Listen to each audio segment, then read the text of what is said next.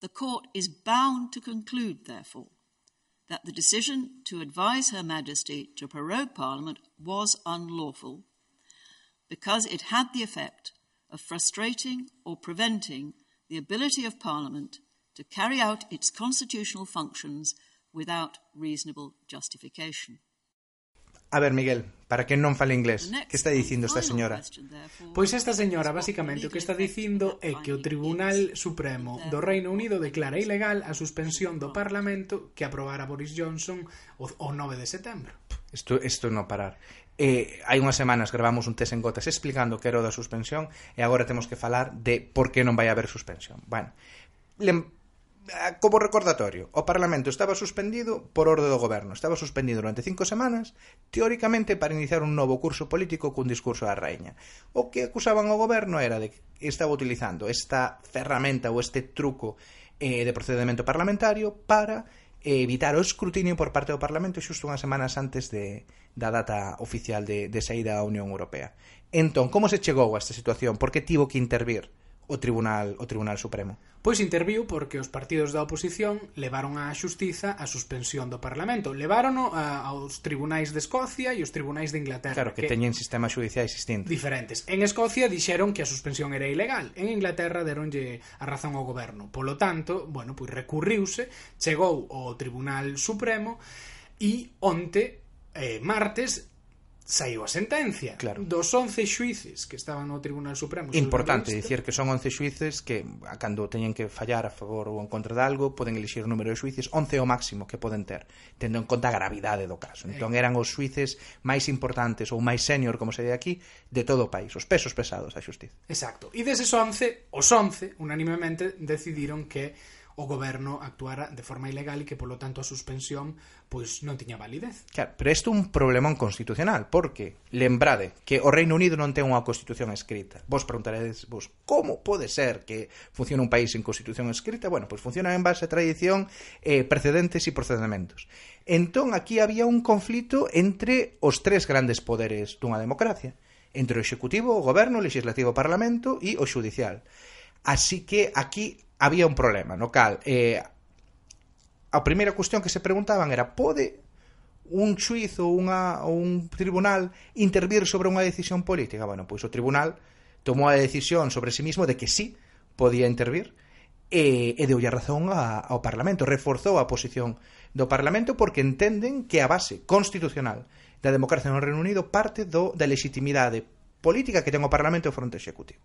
Así que reforzaron a posición do Parlamento. Isto crea un precedente claro, bueno, claro e, e, e que cambia moitas cousas. Hai un par de semanas precisamente nun editorial do The Economist eh, falaban da necesidade de ter o mellor unha, unha constitución escrita no Reino Unido para esclarecer este tipo de cuestións, porque naquel momento non estaba claro pois se prevalecía o Parlamento ou o Executivo. Uh -huh. Bueno, pois agora con esta sentencia do, do Tribunal Supremo queda claro e iso leva a algunha xente a pensar que o Tribunal Supremo está avanzando cara a unha especie de Tribunal Constitucional que no Reino Unido non, non existe eh, pola vía dos feitos. Claro, porque normalmente quen toma as decisións sobre as cuestións constitucionais é o Parlamento, pero ao haber semellante conflito entre Parlamento e Goberno, pois participa outro o terceiro poder. Claro, pero bueno, mm, deixando a cuestión máis xurídica e legal engorrosa. Sí, porque a, a mí tamén isto custame de, de carai é falar disto porque é complexo.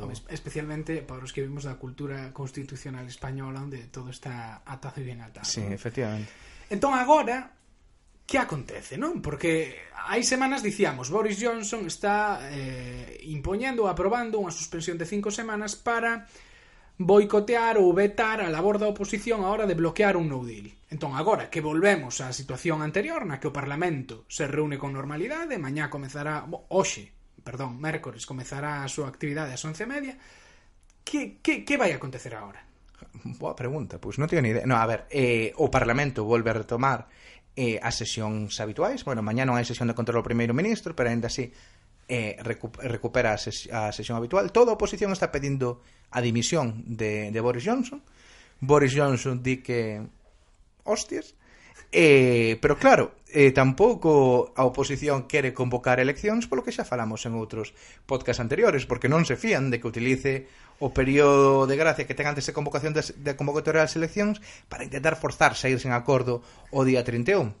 Entón, e o, debe ser o primeiro ministro con menos poder eh, da historia, fan un pandeiro del en, sí. non ten non ten maioría, non ten capacidade de convocar eleccións e teóricamente está negociando coa Unión Europea un acordo que lle permita sair o día 31 de outubro como constantemente prometeu pero polo que se lê na prensa tampouco está indo moi ben iso. No, claro, ese que camatraca de que o 31 de, de outubro se sae fixo unha proposta a pasada semana a, á Unión Europea mm, cunha idea máis específica do que el quería para Irlanda do Norte, pero todo o feedback que chegou de Bruselas non é nada optimista. Entre outras cousas, Boris eh, quería permitir a Irlanda do Norte sair unilateralmente de calquera tipo de mercado común coa Unión Europea, algo que en Europa se negan por completo. Por tanto, eh, pois a ver, a ver que acontece. Bueno, nós tampouco vamos facer eh, moitas prediccións. Eh, seguramente o único que, que quizás pode decir que seguramente vai haber eleccións moi pronto sí. de momento... Respires ambiente electoral, sí. eh, especialmente estes días nas conferencias do, dos partidos, do Partido sí. Laborista e dos Lib Dem, xa se nota que están aí as eleccións ao borde das... Bueno, e tamén se nota na rúa, é dicir, eh, xa estes, os partidos están empezando a facer campaña, xa están chamando nas portas, eh, eu xa empecé a recibir eh, flyers aquí na zona dos liberaldemócratas e do, e do Partido Laborista, xa se están preparando as maquinarias dos partidos para, para ir a eleccións. De momento, o Partido Conservador está en cabeza, pero al, se algo aprendimos os últimos anos é que as enquisas son moi volátiles nun, nun, nun momento de tanta incertidume, non? E que esas enquisas que falan de porcentaxe de voto a nivel nacional co sistema electoral británico de circunscripcións hmm. uh, mayoritarias, pois moitas veces non, non teñen tanto sentido. Mm, pero bueno, como dixo Belén Reira, iremos contando eh, ao, o minuto o resultado do que pasa no psicodrama do Brexit, aquí en T con Gotas e en Tés en Gotas. Eh, non temos nada máis que dicir nesta, no programa desta semana, así que, como sempre, eh, suscribidevos a, ao noso newsletter, eh, seguídenos en redes sociais, eh, dádenos eh, gústame en iVoox, e en iTunes, etc. E, eh, e nada, vémonos eh, a semana que ven cunte con Gotas completo.